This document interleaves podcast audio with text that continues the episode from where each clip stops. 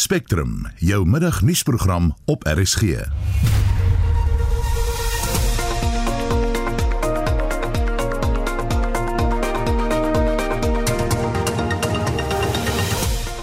die program die vermeende parlement brandstigter Zandile Mafi se dringende borgtog aansoek word môre in Kaapstad aangehoor. Die regering plaas die stand van die koronaviruspandemie in die kollig. As of yesterday, the 13th of January, there has been a 27% reduction in new cases compared to seven days before. En soos jy in die nuus gehoor het, die Australiese regering steek weer 'n stokkie voor Novak Djokovic se oop deelname. Die span vanmiddag is redakteur Nicoline de Wee, produksieregisseur Johan Pieterse en ek is Susan Paxton.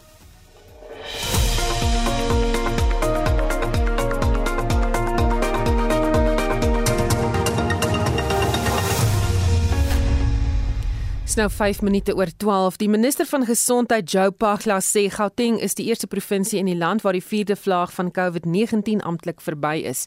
Die res van die land se provinsies is kort op sy hakke. Pagla het die media vanoggend toegespreek oor die stand van sake wat die pandemie betref. Hy sê die feit dat minder sterftes en hospitalisering aangemeld is, is verblydend, maar Lenay Forsie het meer besonderhede. Volgens Pagla het die aantal nuwe gevalle met 13% afgeneem sedert die begin van die nuwe jaar. There has been a 4.8, almost a 5% reduction in reported deaths over the last seven days. As of yesterday, the 13th of January, there has been a 27% reduction in new cases compared to seven days before on a national scale, and the reduction was in all provinces in terms of uh, new cases. There has been a 6.3% reduction in hospitalization compared to seven days earlier, even though three provinces, that is in Mpumalanga, Northern Cape, and Western Cape, did report some small increases in their admissions. The national recovery rate, also very encouraging, now stands at 94%. Hy sê verder dat hospitalisering en sterftes tydens die vierde vlaag heelwat afgeneem het in vergelyking met die van vorige vlae en nog 'n silwer randjie is die einde van die vierde vlaag in Gauteng. All eight provinces have reached their peaks and are now on a decline. Of note is the fact that the decline in new infections is not a steep decline as was the incline. So this virus rises steeply, but when it goes down, it goes down slowly, but at least it's going down, and this is encouraging. We must emphasize that the fourth wave is showing unequivocally the protection of vaccination against severe illness and death Mpumalanga en KwaZulu-Natal is die provinsies waar die minste inentings toegedien is. The leading province in terms of vaccine coverage is currently the Free State province at 54.1%, followed by the Western Cape at 53.6%, Limpopo at 52.2%, and the Eastern Cape at 50%. Last night, Gauteng crossed the 8 million doses administered, which is a significant milestone. The challenge for the Gauteng province is just that they're dealing with a very huge population. So despite administering 8 million doses, that has only covered 42.7% of the adult population. Die departement is egter bekommerd oor die lae inentingskoers onder veral jong volwassenes, selfs al is daar nou genoeg enstof in die land om alle volwassenes ten volle in te ent. Herinner Suid-Afrikaners daaraan dat versterkingsdosisse beskikbaar is vir die Pfizer en Johnson & Johnson inentings. Samesprekings oor verpligte inentings is steeds aan die gang. Hy sê hulle sal die land inlig sodra daar 'n besluit geneem is. Dr. Michelle Groom van die Instituut van Oordraagbare Siektes sê veral jong mense het aanvanklik deurgeloop. Just to note that the increased incidence compared to other waves in the 20 to 39 year olds. So you can see that was higher, whereas we've seen this kind of decrease in terms of the overall incidence across the waves in the elderly, and also just reflective in terms of this is our age group, which has the best vaccine coverage at this stage, and similarly for your 40 to 59 year olds. So I think just showing how important we need to increase our vaccine coverage in those younger age groups as well. Dr Wasila Jassat, ook van die instituut, sê die verhouding van sterftes en hospitaliserings in vergelyking met die aantal nuwe gevalle het tydens die vlaag afgeneem. Sy sê diegene wat in die hospitaal opgeneem is, het ook nie so lank daar gebly nie. The percent of cases who needed oxygen was lower at 22% compared to the previous three waves. The percent of cases who were treated in ICU was 5.8% compared to 15, 12, and 14% in the previous waves. The percent of cases who had severe disease was 31.7% compared to proportions of 52, 63, and 63% in previous waves. And the proportion of admitted patients who died in hospital in the fourth wave was 9.7% compared to 21.5% in the first wave, 28.8% in the second wave, and 26.4% in the third wave. Dit was Dr. Wasila Jassat van die Instituut van Oordraagbare Siektes. Marlene Forsie, SAK nuus. Die minister van vervoer, vervoer Fikile Mbalula sê taxi-operateurs kan nou aansoek doen vir 'n COVID-19 taxi-hulpfonds verligtingstoelaag. Die 1 miljard rand fonds is daarop gemik om die ekonomiese impak van die pandemie op die taxi-bedryf te verlig. Professor Jackie Walters, verbonde aan Universiteit van Johannesburg se departement van vervoer en logistieke bestuur sê geregistreerde taxi-operateurs sal kwalifiseer vir 'n eenmalige toelaag van R5000. Hierdie proses het eintlik meer as 17, 18 maande gelede begin. Toe die taxi-bedryf baie diep geraak is, net soos die busbedryf en die spoorwegdryf op baie stadium in ons spoor. Die COVID-regulasies, al die groot lockdowns 5 en 4, al baie besighede toe was en normale besighede nie kon funksioneer nie, soos die taxis en die busse en so aan.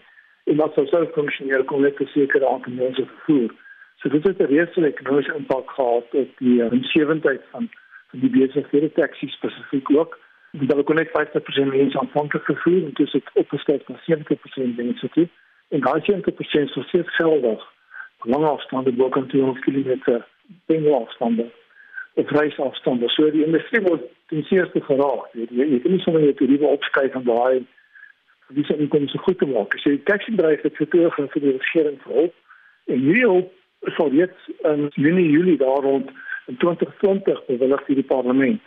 So dis fondse wat van toe af kom wat nou eers beskikbaar gemaak word om die taxbedryf nou tot 'n vergelyking kom met die departement van vervoer oor wat eis te sê is. SARS het ook vir die implementeringsagentskap gewees het van nou so die National Talent Fund. So daar's een van die groot verskille wat ons sien. En natuurlik ook van die ander aktore wat die taxibedryf in die swaar geteken is, byvoorbeeld die arbeids klausules van die minister gehad het die besighede sou geregistreer en dit geregistreer besighede en so aan. So hulle daai daai is nou vir tafel vir eers. Hulle moet net basies sekere vereistes voldoen soos hulle hulle het gesertifiseerde EBA bewys van waar hy bly, bankrekening waar hy sake aanbetaal word en 'n SARS belastingsertifikaat. Dit van die minimum vereistes. Maar hierdie vereistes is terugwerkend tot die begin van COVID reëls in 20 20. So actually besigheid wat begin het intussen is nie deel van die leer proses nie, net wat reeds in besigheid was uh, ten tye van die groot lockdowns 5 en 4. So wie word almal geraak in die industrie? So dit raak nie net die taxi bedryf nie, dit is taxi bedryf ons moet kyk maar ook die meeste taksies, daar's verwagting van die van hulle na skatting in die land. En ook die e-taksies, die Ubers, kos vir 33000 daar skatting ook van hulle in die land. So die voorsiening wat gemaak word is vir net 37000 minibusses vir hierdie meter taxis en die air taxis. Wat jy moet net 5000 rand per voertuig te staan bring as jy kyk na die 1.35 miljard wat beskikbaar gemaak word deur die regering. Is dit ekonomies volhoubaar want ons praat hier van 1,1 miljard rand. Wel dis 'n enkel bedrag. Dit is wat bewillig is. Daar's nie nog meer geld bewillig nie. So as daai geld uitgeput is, is dit uitgeput. Daar's nie nog geld, daar's nie verdere blootstelling vir die regering nie. Dit is 'n is 'n limiet wat hulle gestel het 1.135 miljard vir hierdie aantal voertuie wat hulle skat. Ek moet sê ek dink die pryse is nogal redelik streng. Dit is maar met omtrent besighede wees en dan moet jy jy kan dit self geregistreer wees en so aan en baie van die instansies voldoen nie daai vereistes nie. So ek dink almal van hulle gaan eis in elk geval ek dink die fonds uitgestel word. Prof, hoe deursigtig gaan hierdie proses wees? Dan jy kan jou belastingsertifikaat kan jy afhaal van internet af. Jy hoef nie die SARS direk te kontak nie. Dit so dit is gewoonlik nie 'n probleem nie. Eh, natuurlik kan daar bedrog wees. Ek dink die departement vervoer het dit genoem, maar dit gaan baie bedag wees bedrog. En ek dink ons het oor die laaste paar jaar baie geleer hoe maklik bedrog kan plaasvind. Selfs as dit goed is nie. So hooplik sal die National Savings Fund stelsels goed genoeg wees om bedrog te minimaliseer. Ek dink dit gaan heeltemal uitsluit nie. Maar daar basiese stappe moet wees waar jy so aansoeker moet gaan. Dit moet 'n gesertifiseerde ID hê. Dan moet 'n bewys van dat jy die waarse persoon bly. Dan moet 'n bank brief wees wat sê daai persoon het 'n rekening en hy het 'n stempel in die bank self. Moet 'n maatskappy 'n registrasiesertifikaat en 'n staatsbelastingsertifikaat hê. En dan boop al daai goed moet hy nog sit en besit weet van 'n geldige operateurs permit. Dit is nou alles terugwerkend. En dit was professor Jackie Walters verbonde aan Universiteit van Johannesburg se departement van vervoer en logistieke bestuur en hy het met Vincent Mofokeng gepraat. Vroeger die week het die departement van onderwys aangekondig dat hy nie verder matriekuitslae in die media sal publiseer nie. Die departement voer aan dat die publisering van die resultate indring op die leerders se reg tot privaatheid. Die besluit het 'n ewige debat oor die kwessie laat ontstaan. Ons praat nou met Amor Burger Smit, sy is 'n direkteur by Werkmans Prokureurs. Goeiemôre Amor. Goeiemôre, hoe gaan dit Susan? Met my gaan dit goed, maar hierdie debat woed voort. Het die departement die poppiewet reg geïnterpreteer in die kwessie? Jy weet op 'n manier het ek vroeër vanoggend gedink, uh, dis hulle het 'n klok oorlei, maar hulle weet nie presies waar hy hang die bel nie as ons nou na hierdie aangeleentheid kyk, want hulle kom en hulle het 'n uh, uh, uh, berig uit uh, in hulle terme van hulle media ehm um, ehm um, werking sê hulle vir ons dat hulle dit nie gaan publiseer nie gebaseer op die poppy wetgewing en dan ook die poppy wetgewing wat voorsiening maak vir privaatheid en die waardigheid van ehm um, dan nou van skooliere. Maar jy weet in die eerste instansie die poppy wetgewing eh, hanteer glad nie die konsep van waardigheid as sulks nie. Dit inderdaad dit, dit handel met die reg tot privaatheid. Maar die mees belangrikste aspek en ek dink hierin lê is die groot antwoord rondom jou vraag ook is dat die ehm um, poppy wetgewing nie die hantering of die prosesering van inligting en privaat inligting verhoed of verbied nie. Inteendeel dit skryf bloot voor hoe jy dit moet doen. So eintlik wat die departement vir ons sê is Hulle het nie aandag gegee aan hoe hulle die inligting van ons matrikulante moet publiseer nie en derhalwe is hulle nie in staat om dit te doen nie. Dit het niks te doen dat die Poppy wet dit verbied om gepubliseer te word nie. Hmm. Wil of jy vra as jy nou hierdie wet nou moet opsom vir 'n mens, wat sê dit eintlik?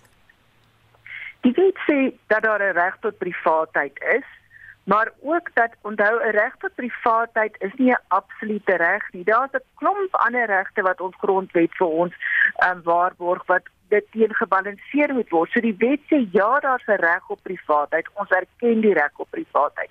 En aangesien ons die reg op privaatheid erken, stel skryf die wet dan voor die basis waarop met inligting persoonlike inligting data gehandel moet word. En kom daar is daar agt ehm um, kondisies of maatstawwe waarteen dit getoets moet word. So hierdie agt maatstawwe bepaal dan hoe jy regmatig data en persoonlike inligting kan prosesseer en jy moet voldoen hieraan. Dis stappe om te verseker dat privaatheid dan beskerm word of geag word en nie geminag word nie. Ten einde dan vir elke individu te waarborg dat ja, jy hierdie reg tot privaatheid was daar inbraak gemaak word, sal daar 'n regmatige basis wees of rede wees hoekom daar 'n inbraak gemaak word op hierdie privaat reg tot privaatheid wat jy het. So die departement kan maar eintlik die uitslae soos gewoonlik publiseer. Ja, weet jy, as ons dan nou kyk, so ek bedoel, onthou nou vir jare nou, al sedert 2014 word die name van leerders nie gepubliseer in die media nie. So wat gepubliseer word is die studentenommer en die ID-nommer en dan nou die uitslaag van die van die leerder.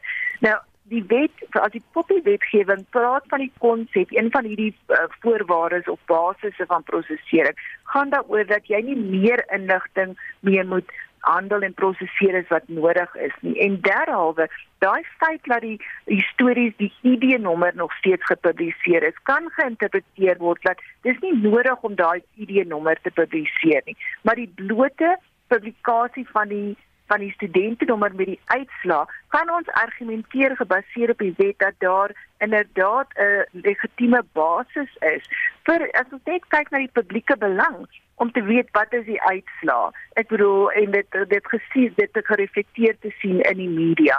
So ja, dit is eintlik 'n maklike vraag, maar dit kan ook as dit toegepas word 'n gekompliseerde vraag word. Maar as die as die departement inderdaad 'n behoorlike interpretasie van die wet en toepassing van hierdie kondisies of, of dan maatstawwe wat die wet voorstel implementeer, is daar geen rede hoekom matriekuitslae um, in 'n in 'n aangepaste vorm nie gepubliseer kan word nie. Hmm. Net so laaste vraag, dink jy mense het nie die wet gaan lees nie en interpreteer dit soos dit hulle pas en uh, jy weet oor die algemeen en kan dit probleme veroorsaak?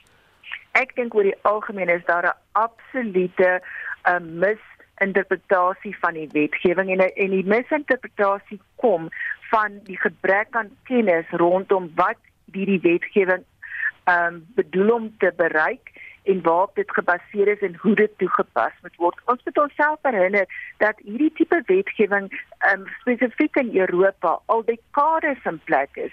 Ons kom nou hier aan en ons moet hierdie wetgewing interpreteer en ek dink in algemeen, ek bedoel daar's baie baie minne handjievol ehm um, ware mense wat waarlik fokus op hierdie wetgewing en ook internasionaal werk met hierdie wetgewing. So daar's 'n algemene ehm um, uh, tekort aan kennis om te weet hoe om die wetgewing toe te pas. En omdat dit 'n kort wet is, dink mense duidelik hulle kan dit deurlees en sommer net interpretasies daarvan toepas. En 'n groot probleem hiermee is, is dat meeste mense dink hierdie wetgewing vereis dat iemand moet toestemming gee vir hoe jy handel met sy persoonlike inligting. En jy weet toestemming is maar een basis waarop jy kyk na hoe jy met um, persoonlike inligting handel. Jy ja. het nie in alle omstandighede toestemming nodig nie. En weer hier weer eens in hierdie geval wys dit daarop dat meeste mense dink ek moet kan toestemming gee of ek moes toestemming gegee het vir my persoonlike inligting om dan nou gepubliseer te word of geproseseer te word. Hmm. En dit is glad nie die geval nie, so Susan. Ons het geweldige probleem in die land met 'n uh, 'n uh, 'n uh, 'n misverstaan en 'n misinterpretasie van hierdie wetgewing. Baie dankie. Dit was Amor Burger Schmidt, sy is direkteur by Werkmans Prokureurs. Die nasionale vereniging van skoolbeheerliggame sê daar is die afgelope 2 jare toename in die aantal kinders wat van privaat skole na staatskole skuif. Dit kan toegeskryf word aan die swakker ekonomie en die stygende werkloosheidssyfer weens die COVID-19 pandemie. Die vereniging se hoofsekretaris, Matakanye Matakanye sê hulle het die departement van basiese onderwys gevra om in te gryp omdat openbare skole oorvol is. Annelien Moses berig. Matakanya sê dit is duidelik dat die departement bond staan om plek te maak vir kinders in reeds oorvol skole. Hy sê die situasie word vererger deurdat kinders van privaat skole na openbare skole skuif. If the parents are no more paying, so it means you can't pay the teachers. The project that you have, then you have to stop. But another solution could be then the parents take their children back to the the no fee schools.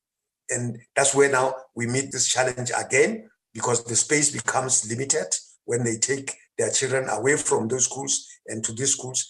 And that's why we are saying some of the schools that are closed must be opened so that when parents take these children away from the fee pay schools, then there is space. There must be enough space in the school. Die hoofsekretaris van die Suid-Afrikaanse Vereniging van Skoolhoofde, Linda Shezi, sê openbare skole sukkel om skoolfonds in te vorder. Most schools are starting to battle to even get over 50% collection rate. So which means that as schools are starting to battle to get money in for the 50% of parents. Mind you, you still have in schools those parents that have got legitimate exemptions not to pay for various reasons. So even that 50% or whatever it is collection rate is not based on your 100% enrollment. Matakanya sê talle ouers beskou nie skoolfonds as 'n prioriteit nie en dat dit die geval was voor die COVID-19 pandemie. Hulle prioritiseer liewer huisverbande, huur, motors, kredietkaarte en betaal lenings voordat hulle skoolfonds dek. Hy sê dit is nie bekend wat die bedrag is wat ouers aan die 27000 skole in die land skuld nie. It is very, very serious because we did not even engage the provinces. We engaged the minister when we debated. And look, it started last year. So, but I don't just have the scientific figures now, particularly schools that are, have hired more teachers, and those teachers were paid by the school governing bodies. Then we request the department to start now assisting those schools. Parents unable to pay because most of them lost their employment. Now the problem is still continuing because the pandemic is still with us Shezi sê skoolfonds moet geprioritiseer word. Hy sê die kultuur van wanbetaling is vererger deur COVID-19 en die roterende stelsel waar volgens onderrig tans geskied. School fees are a statutory requirement and this is something we need to as schools educate our parent populations about that fees have got to be a priority expenditure in a household. What sometimes is disheartening to see is parents who claim inability to pay when on their expenditure lists, schools are the last thing that they will spend money on. And the culture of paying school fees as part of your priorities is something that individual schools and also the Department of Education as a collective, we've got to keep educating our parents. Die nasionale vereniging van skoolbeheerliggame sê COVID-19 het die ongelykhede in die stelsel blootgelê. Hy sê kinders sak dikwels uit wanneer ouers nie kan bekostig om byvoorbeeld vervoerkoste te dra nie, selfs al is skole in baie gevalle gratis. Hy sê wanneer ouers hulle werk verloor, hou kinders dikwels op om skool by te woon. Die Suid-Afrikaanse Vereniging van Skoolhoofde sê hulle het met die departement van basiese onderwys in gesprek getree met die hoop op 'n oplossing. Die verslag deur Amina Akram en ek is Annelien Moses vir SAK nuus. Die departement van landbou, landelike hervorming en ontwikkeling het die uitreiking van koopbewyse van eh, vir bestaansboere gestaak. Toe die pandemie die land getref het, is die koopbewyse uitgereik in 'n poging om die sektor aan die gang te hou. Sowat 55000 bestaansboere word deur die besluit geraak en ons praat met die voorsitter van SAI se direksie, Dr. Theo De Jager. Goeiemôre Theo. Goeiemôre, dis 'n groot voorreg om met jou en jou luisteraars te gesels vandag. Ah, oh, Theo sê vir my, wat presies is hierdie koopbewyse? Toe die Grendelstaat aangekondig is hier in die begin van die van die Covid tyd so 'n uh, bietjie minder as 2 jaar gelede het oral oor die wêreld lande spesiale maatreëls getref om seker te maak dat hierdie Grendelstaat nie voedselsekerheid in gedrang bring nie. En en is daar ook verskillende forme van hulp gebied aan die landbousektor om produksie in stand te hou? En en, en veral waar daar groot ontwrigtinge was in die waardeketTINGS byvoorbeeld kantine ehm um, by werkplekke en en uh snoepies by skole toegemaak. Ehm um, jou kitskos winkels ehm um, mense wat uh uh ehm um, warmbrakke en burgers op straathoeke verkoop. Dit dit dit het opgehou. En daar was nie meer voedselvoedingsskemas by skole nie. En dit het gemaak dat baie van die markte vir boere toegegaan het en en hierdie geld of hierdie hulp dikwels in die noordelike halfrond subsidies en in ons omgewing spesiale pakkette soos hierdie wat hulle nou gestaak het is in werking gestel om vir, vir boere te help om vinnig aan te pas in hulle produksiepatrone om by veranderende behoeftes ehm um, by te hou. En en in ons land in Suid-Afrika is hierdie hulppakkette eintlik maar eksklusief beskikbaar gestel vir swart boere ehm um, onder die vaandel van van bestaansboerderye. En maar maar omdat die die departement gevrees het dat hierdie geld dalk sy weg sou vind na iets anders dat 'n boere voertuig gaan koop in plaas daarvan dat hy addisionele saad of kunsmis koop is dit nie vorm van kupons uitgegee en dan net sekere besighede kon daaruit voordeel trek byvoorbeeld koöperasies of die verspreider van insette. Ehm um, nou van die probleme wat onmiddellik ontstaan het is dat ehm um, daar daar het 'n hele klas van middelmanne ontstaan wat wat mm. goeie kontak gehad het met die departement en gesê het ons sal die die saad, die kunsmis, die diesel op die plase uitbring, dan koop daardie boere dit by ons deur vir ons die kupon te gee en die kupon kan ons dan nou weer tot kontant maak by ja. die departement. En en dit het die deur oopgemaak vir 'n klomp bedrog. Jy praat van 55000 boere wat wat wat ehm um, daardeur gehelp is, maar maar ons het met meer as 2 miljoen bestaansboere in Suid-Afrika. So almal is nie gehelp nie, maar hoe groot probleem is dit as die koopbewyse gestaak word? vir 'n paar bestaansboere wat wel voordeel getrek het, ehm um, kan dit eenvoudig beteken dat hulle staatshulp nou ontbeer. Ehm um, dit is nie iets wat algemeen was nie, dit was 'n maatreël onder Covid en en dit behoort nie 'n stok in die wiel van die bestaansboere te gooi nie behalwe dies wat daarvan afhanklik geword het omdat hulle nie kommersieel is nie of omdat hulle nie markgerig is nie. Ehm um, maar maar eintlik is daar baie beter maniere om landbouontwikkeling te doen en om bestaansboere te help as hierdie kuponne. Hmm. En die debat oor subsidies aan boere deur die staat woed ook voort. Hoe nodig is dit dat die staat die landbousektor so moet ondersteun? Want dis dis nie 'n uh, eenvoudige vraag nie, Susan. Dit, dit dit gaan daaroor dat ons kompeteer met die beste boere in die wêreld elke dag. Die wêreld het 'n baie klein plek geword vir boere. En uh, daar's soveel boere in die wêreld, die Europese boere, die Amerikaanse boere wat gesubsidieer word dat dit baie moeilik raak vir mense wat nie gesubsidieer word nie om te kompeteer. So so of almal moet gesubsidieer word of niemand moet gesubsidieer word nie, maar dis net regverdig dat die speelveld gelyk gemaak word. Ons is gelukkig in Suid-Afrika dat ons is al fiks genoeg vir die internasionale markte deurdat ons oor die afgelope 30 jaar nie staatssubsidies kry nie. So ook die Nieu-Seelandse boere, die Argentynse boere, almal in die kunsgroep. Maar ehm um, daar's 'n groot deel van die wêreld se boere, die grootste deel van Europa wat nie kan aangaan sonder hulle subsidies nie. En dit is die een van die warm debatte weer van 2022 en 2023 veral van jaar se wêreld handelsorganisasie konferensie. Ja. Ehm um, om om te praat oor hoe hoe kry ons hierdie speelveld gelyk? Baie dankie. Dit was die voorsitter van SAIS se direksie, Dr. Theo De Jager.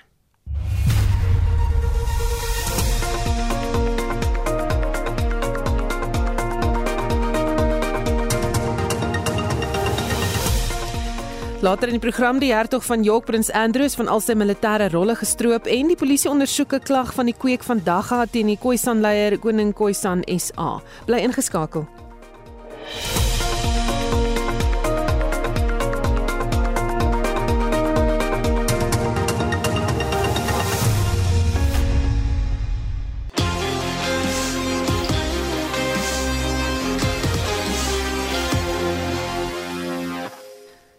Ja, ek probeer weer praat, maar dit lyk vir my my stem wil nou nie saamwerk nie. Daar gaan hy 12:34 gespannende stryd is op Nuweland Kaapstad aan die gang tussen die Proteas en Indië om te hoor wat op die 4de dag van die beslissende toets gebeur. Skakel ons oor na Pieter van der Berg van RSG Sport. Goeiemôre Pieter. Maar dan sê Susan, ja, soos jy sê, die 4de dag, maar is ook die laaste dag want die nuus is dat Suid-Afrika staan op 171 vir 3 in hulle tweede beurt. Hulle benodig uh, 212 lopies om die toets te wen. Dit beteken Suid-Afrika het nog 41 lopies nodig en dan is alles verby. Hulle kan met ander woorde daarmee die toets wen as ook die toetsreeks. Dit is die derde toets, dis een toets elke op die oomblik, maar kom ons gaan haal net die prentjie vinnig van vanoggend want die spelers het so 3 minute gelede die veld verlaat. Dit is middagete op Nieuweland En uh, vanoggend het hulle kom voorkom met hulle telling op 101 vir 2 en uh, Petersen hy het 48 'n lopies agter sy naam gehad en hy het voortgekolf uiteindelik 82 aangeteken. En uh, dit is 'n uh, uitstekende 276 lopies wat hy dan in die drie toetse bygedra het. En ek moet sê hy het 'n baie goeie kans om speler van die Rex te wees want hy was die enigste kolwer wat werklik uitgestaan het deurlopend tydens hierdie toetsreeks. En dan uh, kyk ons na uh, wat het gebeur? Deur die loop van die oggend dit was baie baie uitstekende bulwerk van uh, die kant van die Indiese bowlers. Hulle het ons laat bond staan die Suid-Afrikaanse kolwers en 'n uh, hele keer 'n uh, paar keer die kolf geklop. Uh, die bal van die naad af beweeg, deur die lug beweeg en daar was 'n paar gelukkige oomblikke vir Suid-Afrikaans dink aan Petersen wat op eerste glip laat val is met sy telling op 59 deur Pujara en uh, dan was daar ook van 'n Dussen wat 'n vangskoot oorleef het uh, waar wat hulle vir die derde skeieter gegee het. Daar was ook 'n BVP beslissing wat hy so pas net die voormiddagete oorleef het. Hy staan met sy telling op 21 22 en dis Rassie van der Dussen van 72 balle. Hy werk baie hard, maar hy's nog steeds daar en hy het sy paaltjie bou en dis die belangrike aspek. Temba Bavuma, hy saam met hom op 12. Dit is van 28 balle soos Suid-Afrika 171 vir 3. Ons kan ook net noem dat ehm um, dit is uh, net in die eerste toets waar daar 'n uh, tweede nuwe bal geneem was. So dit wys net vir ons hoe die bowlers absoluut hierdie reeks oorheers en dis kom ek sê dat uh, dit dalk uh, Petersen kan wees wat hier uh, Keegan Petersen as speler van die reeks aangewys kan word. Uitmuntende 82 met 10 vure wat hy aangeteken het van 113 balle en hy was absoluut uh, die anker gewees van Suid-Afrika se beurt op dusver. Aiden Makram uit vir 16, Dien Elgar vir 30, Keegan Petersen vir 82, Suid-Afrika 171 vir 3 net na middagete. Kom Rassie van der Dussen voorkop op 22 en Themba Bavuma hy 12 agter sy naam 171 vir 3. Suid-Afrika benodig 41 lopies om hierdie uh, toets en ook die toetsreeks te wen. Ons sal 'n bietjie later in 360 sal ons verder berig uh, wat die bouers aan betref. Hulle het baie goed gebou, maar die paaltjies wil maar net nie kom nie op die oomblik Jasper uh, Boomerang, hy spog met 1 vir 54, Shami 1 vir 41 en Takur, hy het 1 vir 22. Suid-Afrika, hulle is hier in uh, ek kan per sê in die bestuurderstoel. Hulle is besig om met die toets hulle in te maak. Ek twyfel of ons 41 lopies nodig het en nog 7 paaltjies gaan verloor. So, dit is die jongste nuus vanaf Nieuweland en Kaapstad tot later terug na Ateljee in Johannesburg en Susan. Dankie, dit was Pieter van der Berg van RSG Sport. India het Egipte se onlangse toelating as die 4de lid van die nuwe ontwikkelingsbank verwelkom. Die BRICS-lande waaronder Suid-Afrika die bank gestig om hulpbronne te skep vir volhoubare ontwikkeling van infrastruktuur en ander projekte in ontwikkelende lande. Maar is die lidmaatskap aan BRICS en ons verbintenis ekonomies die moeite werd? Ons praat hier oor met Dr. Rolof Botha, ekonomiese raadgewer van die Optimum Beleggingsgroep. Goeiemôre Rolof. Uh, Goeiemôre Susan. So is ons verbintenis aan BRICS 'n goeie ding? Nee, hoe genaamd nie. Ehm um, ek het al meermale gesê en, en daar's baie goed bewyse daarvan. Uh as jy kyk na twee dimensies, een is die, die internasionale politieke dimensie, uh waar Suid-Afrika van die hoogste uh standaarde van mediavryheid in die wêreld geniet. Ehm um, ons is nommer 32 in die wêreld, uh nommer 4 in Afrika. Uh ons is trouens ons het meer mediavryheid as lande soos Frankryk, Italië en die VSA, Suid-Korea. Maar as ons kyk na een van ons BRICS-vennote, China, daar's 179 lande wat ehm um, waar daar genoeg inligting uh, is om om hierdie rangorde op te stel en China is die derde laagste plek. Dis net uh, Noord-Korea en Eritrea wat slegter as hulle is in terme van menseregte ehm um, verbrekings op die gebied van mediavryheid. Rusland is nie veel beter nie, 150. Dan is daar nog die taalprobleem ook. Nou moet mense met hierdie lande met met die Russe en met die Chinese moet mense nou allerlei dinge beplan en saam maar uh, on, ons kan mekaar nie eintlik mooi verstaan nie. En elkeen van daardie lande het hulle eie inherente unieke ontwikkelingsproblematiek. Uh en dit sleg vir Suid-Afrika se reputasie as ons by die CTO is en en um, dan is daar die hele tyd druk van China op ons ambassadeur daar om ten gunste van uh uh voorstelle te stem waar waar die uh, die uh, militêre diktatuur aan die een kant is en die, en die demokratiese lande aan die ander kant is. En ons ons dikwels aan die verkeerde kant van daai lyn en dit is baie irriterend. Ehm um, maar daar's ander redes ook natuurlik en dit is vir my nog belangriker en dit is hierdie finansiering. Uh, toe meneer Zuma president was, toe het hy dit nou goedgekeur dat uh, ons 20% die uh, 1/5 bydra tot die ontwikkelingsbank se finansiering. Maar ons BBP is net 2.5% van die gesamentlike BBP van hierdie vyf lande. Dit is absoluut onsinnig om dit so te doen. Uh en ons sit ons hierso met 'n um, aanspreeklikheid wat ons het in die, in die huidige begrotingsjaar wat ons 123 miljard rand aan hierdie uh, ontwikkelingsbank moet betaal terwyl ons eie ontwikkelingsbank kry net 20 miljard rand.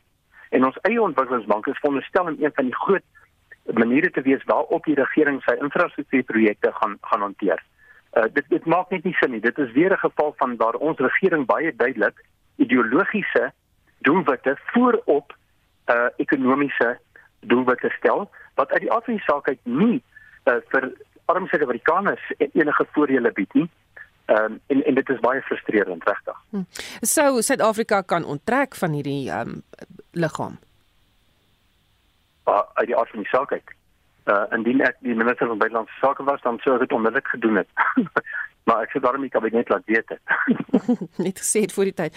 'n uh, Ander ekonomiese nuus, uh, vervaardigingssyfers is ook die week bekend gemaak en daar was goeie nuus. Ja, dit was ehm um, uitstekende nuus geweest. Ek moet sê ek verself 'n bietjie ehm um, ek was aangenaam verras geweest want November se nominale waarde van verkope van vervaardiging uh, wat in Suid-Afrika vervaardig word was uh, amper 250 miljard rand. Dit was ehm um, 'n nominale terme so ver by die hoogste ooit. 12% meer as die vorige maand uh en 8% meer as ehm um, in, in November 2020. Wat ook bemoedigend is is dat dit 10% hoër is uh oor die syfer van November 2 jaar gelede in 2019 voor Covid. So in reële terme so 'n klein verbetering en ek dink dit het beslis iets te doen met die aanbodkant ontwrigting. Ek, ek het gehoor vir jou die jager ook daaroor gesels. Ehm uh, met ander in sommige gevalle het, het plaaslike groot en klein handelaars geen opsie gehad as om maar by Suid-Afrikaners te koop nie en hopelik sou hulle agtergekom het. Maar hierdie produkte is miskien 'n klein bietjie duurder as die wat ons van China af invoer, maar dit is waarskynlik baie beter gehalte. Hm. Baie dankie, dit was Dr. Rolof Botha, ekonomiese raadgewer van die Optimum Beleggingsgroep. Die Automobielassosiasie, oftewel die AA, verwelkom die Hooggeregshof in Pretoria se uitspraak dat die ARTO-wetgewing ongrondwettig is. Die wetgewing behels onder meer 'n strafpuntstelsel vir motoriste wat daartoe kan lei dat rybewyse opgeskort word. Die departement het nog nie op die uitspraak gereageer nie, soos die organisasie teen belastingmisbruik Alta sê. Die AA se woordvoerder Luitenbeer, die wetgewing, wetgewing is onprakties jy moet sekere magte nog steeds van die plaaslike regerings oorlaat en jy kan dit nie net as nasionale regering oorneem nie. Behalwe dit, die hele implementering van ARTO was nog altyd 'n probleem gewees en die AA sê al vir geruime tyd. Die probleem met ARTO is ook die feit dat die hele wetgewing daarop gemik is om geld in te samel in plaas daarvan dat dit daarop gemik is om padveiligheid in Suid-Afrika te bevorder. Daar's egter nou heelwat onduidelikheid oor die pad vorentoe, veral omdat die departement van vervoer die uitspraak nog bestudeer. Ek dink daar sal nog baie vrae en antwoorde oor die volgende paar weke wees wat sal ontstaan. Die grootste vraag is wat gebeur nou in totaal ten opsigte van wetstoepassing op ons landspaaie en daarna moet ons indringend as 'n land kyk en ongelukkig vir die regering sal hulle siviele organisasies soos die AA en ander moet betrokke kry om daai situasie op te los in ons land. Wat is ja. julle raad intussen aan motoriste vir al diegene wat nou boetes het en so aan? Die feit dat die stelsel onklaar verklaar is, beteken nie dat die boete net onmiddellik wegval nie. Die boete is nog steeds vir 'n misdrijf wat gepleeg is. Die manier waarop die die boete aan u gegee is, is nou onklaar verklaar. Dit beteken dat die boete nog steeds geldig is in opsigte van die misdrijf wat gepleeg is. So daar is 'n moontlikheid dat die plaaslike owerhede daai boetes kan omskryf met 'n ander wet en nog steeds 'n boete uitreik, maar weer eens, dit is 'n vraag vir die departement en die plaaslike owerhede sal moet beantwoord. Ek sal vir motoriste aanraai nie om te dink net omdat Arto nou nie meer daar is nie, dat boete nie meer geldig is nie. Dit kan dalk later deur 'n ander meganisme aan mense deurgegee word. Dit was die AA se woordvoerder, Luitenant Beard. Marlene Forsie is hy garnis. Dit raak al hoe moeiliker om balans te vind in 'n gejaagde, soms oorweldigende wêreld. Ons het by 'n kenner Dr Monique Basson van die Instituut vir Sielkunde en Welstand by die Noordwes Universiteit gaan uitvind hoe jy balans kan vind en ons praat nou met haar. Um, Goeiemiddag Monique. Hi Susan. Ehm um, wat is die kenmerke van 'n gebalanseerde lewe sienende dat Januarie is internasionale leef 'n gebalanseerde lewe maand? Ja, ek dink um, as ons dink aan 'n gebalanseerde lewe, dink ons aan die verskillende areas van 'n lewe en hoe jy al hierdie areas in ag moet neem en hoe jy op die ou end van die dag kan voel jy's in beheer van al hierdie verskillende areas. En as ons daaraan dink, dan dink ons aan 'n gebalanseerde lewe um, aan die agt pilare of dimensies van welstand. En hierdie sluit in ons geestesgesondheid, ons fisiese gesondheid, ons emosionele welstand, ons geestelike, sosiale omgewing, finansiëel, beroep. Hierdie is die agt areas van ons lewe wat regtig um, op die einde van die dag ons laat voel asof ons in beheer is, asof ons voel dat ons op die einde van die dag by alles sal kan uitkom. Uh, maar in 'n tyd soos vandag in in 2022 is dit vir meeste mense moeilik om hierdie gebalanseerde lewe te handhaaf. Hoe weet jy dat jy rem moet trap en eers besin voordat jy aanbeweeg? Die grootste kenmerke dink ek wat ons het van waar jy voel dat jy nie in beheer is nie of dat jy nie by uitkom by al hierdie dele van jou lewe nie, is as jy voel as jy kyk na jou moet doen lysie. Daai lysie lyk like ongelooflik lank en jy voel jy kom nie by alles uit nie. Jy voel jy is verskriklik besig elke dag, maar op die einde van die dag bereik jy eintlik niks nie. Jy voel uitgebrand en jy voel moeg en jy ervaar, ervaar emosionele simptome van prikkelbaarheid of jou jou jy weet jou jou lont is kort. Ehm um, fisiese simptome van jou liggaam wat vir jou sê jy kort rus of jy kort bietjie slaap of jy kort 'n beter gebalanseerde dieet. So dit kan dit kan emosionele simptome wees en dit kan ook fisiese simptome wees. Hoe handhaaf mens balans in so tyd en 'n stampvol dag byvoorbeeld? Nie by die instituut vir sulke innovasie is ons ons ons is groot om om terug te gaan na die beginsels toe en om dit eenvoudig te hou. Ehm um, mens hoef nie te veel goed te probeer doen nie, maar om dit eenvoudig te hou in terme van van hoe jy eet en regtig net terug te gaan na 'n gebalanseerde dieet van vrugte en groente en spysel en vleis. Maar ook om te dink aan slaap en oefen en nie doelwitte te stel wat op die einde van die dag vir jou regtig um eintlik meer moeilikheid gaan veroorsaak as enigiets anders nie. In 'n tyd soos vandag met met COVID, um is daar so baie goed wat ons kan doen soos YouTube video's van van oefeninge en so aan wat 15, 20 minute lank is wat nie um onhaalbare doelwitte is nie. En om grense te stel, om te kyk na jou geestelike gesondheid, um om meer te kan sê wanneer jy voel jou battery word laag. Baie dankie. Dit was Dr. Monique Passon van die Instituut vir Sielkunde en Welstand by die Noordwes Universiteit. Vandag se sake nuus word aangebied deur Johan Strydom, portefeuljebestuurder by Sanlam Private Welvaart in Tygervallei. Goeiemiddag, Johan. Uh, goeiemiddag, Susan. Ja, die Johannes ons het effektief verhandel 'n uh, laer vanoggend. En so kyk na die algehele indeks, dan sien ons die indeks is so 0.8% laer op 15311 punte. As ons kyk na die onderliggende indekse, sien ons dat die hulpbronne verhandel 1.2% laag, die finansiële uh, sektor verhandel so punt op 0.4% hoër en die industriële kant van die mark verhandel 1.0% laag. Goudhandel goudhandel verhandel ook vanoggend laag.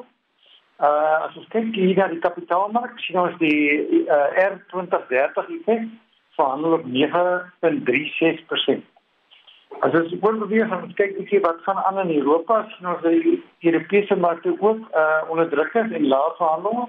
Die Engelse mark is so 0.1% laag. Die Duitse DAX is so 0.7% laag en die Franse mark is ook 'n 0.7% laag. Dan uh, as ons kyk na kommoditeite, ons sien goud is min of meer onveranderd op 1822 dollar per ons.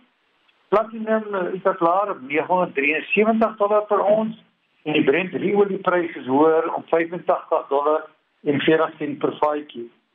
En dan laastens die jongste wisselkoerse, ons sien die uh, rand dollar is op 15 rand 33, uh, rand euro is op 17 rand 56 en die rand pond is op 21 rand en 5 sent.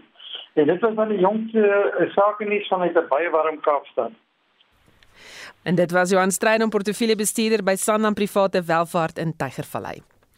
En ons teaterrubriek praat Frans Swart vandag oor Lukas Marie. Die produksie Ek Ouer speel by die Drostdy Theater in Stellenbosch van 27 tot 29 Januarie. Dit vertel die verhaal van Renay, 'n enkelmoeder wat baie hard probeer om oukei okay te wees. Met die verlies van haar man nog rou in haar gedagtes, gebruik Renay haar antropologiese sintuie om 'n wêreld sonder haar man beter te verteer. Haar reis is 'n gemors van intellek, tradisie en geloof. In hierdie sterk eenvrou vertoning word die vraag gevra of daar lewe is na die dood. Die Tony Drama wenner Love Valor Compassion speel by die Opera Huis van Kunstekaap van 1 tot 12 Februarie. Greg Pettigrew, die regisseur, sê hierdie produksie het alle moontlike pryse in Amerika en in die res van die wêreld ingepalm.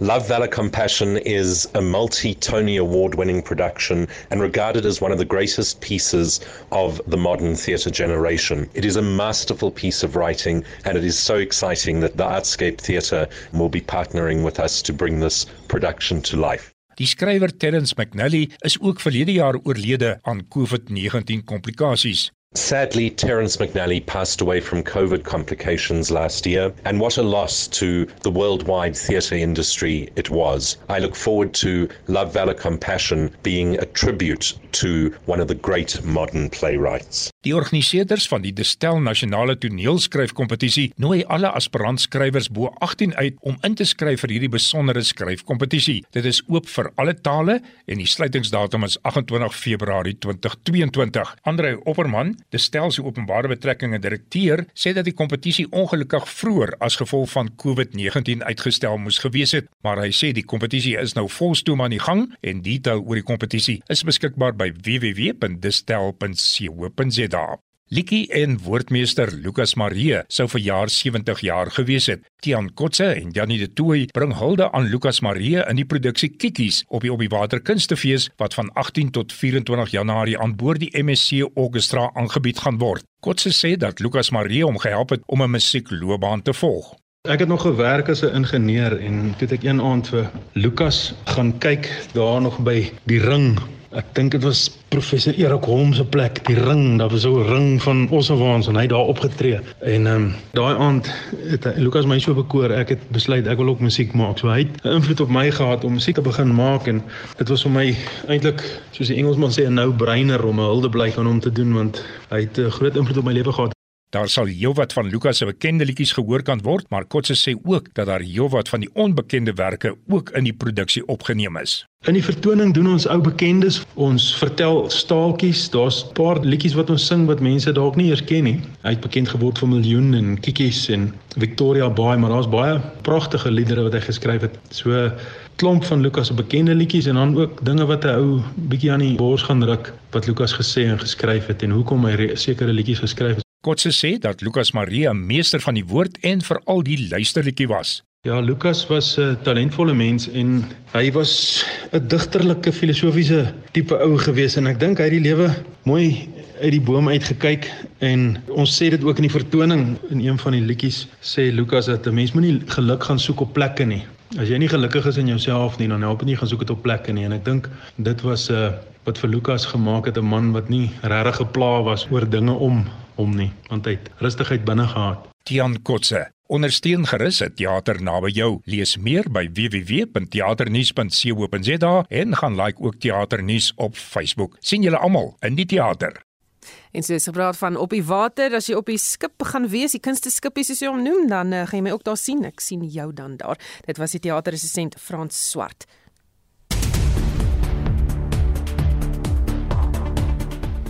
Vir ons altroep sluit Marlenae Forsie by ons aan met 'n samevatting van die afgelope uur se hoofnuus. Die minister van Gesondheid, Joe Pahla, sê Gauteng is die eerste provinsie in die land waar die vierde vlaag van COVID-19 amptelik verby is en die res van die land se provinsies volg kort op sy hakke. Intussen sê die minister van Vervoer, Fikile Mbalula, dat taxi-operateurs nou kan aansoek doen vir 'n COVID-19 taxi hulpfonds verligtings toelaat. En die departement van onderwys se aankondiging dat matriekuitslae nie vanjaar in koerante gepubliseer gaan word nie die afgelope week groot ontevredenheid veroorsaak saak. Nou direkteur by Werkmans Prokureurs Amor Burger Smit sê die departement het die kat aan die stert beet. Hulle het 'n klok oorlei, maar hulle weet nie presies waar hy hang die bel nie. In die eerste instansie die poppy wetgewing danteer glad nie die konsep van waardigheid as sulks nie. Die mees belangrikste aspek is dat die poppy wetgewing nie die hantering of die prosesering van privaat inligting verhoed of verbied nie. Inteendeel dit skryf bloot voor hoe jy dit moet doen. So eintlik wat die departement vir ons sê is Hulle het nie aandag gegee aan hoe hulle die inligting van ons matrikulante moet publiseer nie. Reaksie oor die ongrondwetlikheid van die aardwetgewing stroom ook in die AA se woordvoerder Leighton Beard. Waarskynlik egter dat diegene met boetes nie noodwendig kwytgeskeld gaan word nie. Die feit dat die stelsel onklaar verklaar is, beteken nie dat die boete net onmiddellik wegval nie. Die boete is nog steeds vir 'n misdrijf wat gepleeg is. Die manier waarop die boete aan u gegee is, is nou onklaar verklaar. Die cricketwedstryd tussen die Proteas en Indië op Nieuweland en Kaapstad trek heelwat aandag op Twitter. Dit is een van die hitsmerke wat ook op die oomblik gewild is op die platform. Ons hou op hoogte van daardie gebeure op RSG. Dan is daar ook verskeie redes om môre naweek aktueel te luister. Die program bring aan jou opwindende nuus van 'n Suid-Afrikaanse rolprent wat opslag maak oor see en die Wêreldekonomiese Forum het vroeër die week gewaarsku dat klimaatsverandering veral in Afrika 'n reuse sosio-ekonomiese bedreiging inhou. En in lig daarvan kyk Naweek Aktueel hoe die tendens moontlik teengewerk kan word. En dit was Marlenae Forsie met 'n oorsig van die afgelope uur se hoofnuus. En vir nog vermaak bly ingeskakel net hierna as 'n 360 op RSG en hulle gaan gesels oor toksiese positiwiteit. So as jy daarin belangstel of wil weet wat dit is, dan moet jy ingeskakel bly. Onthou vorige uitsendings van Spectrum is beskikbaar op potgooi gaan net na RSG se webblad by www.rsg.co.za. Ons groet namens ons uitvoerende regisseur Nicoline de Wee wat ook vandag se redakteur was en produksieregisseur Johan Pieterse.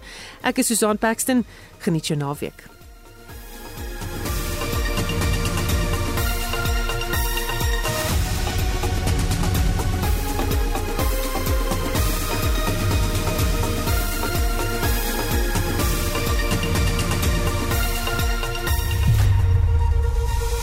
SAK nuus.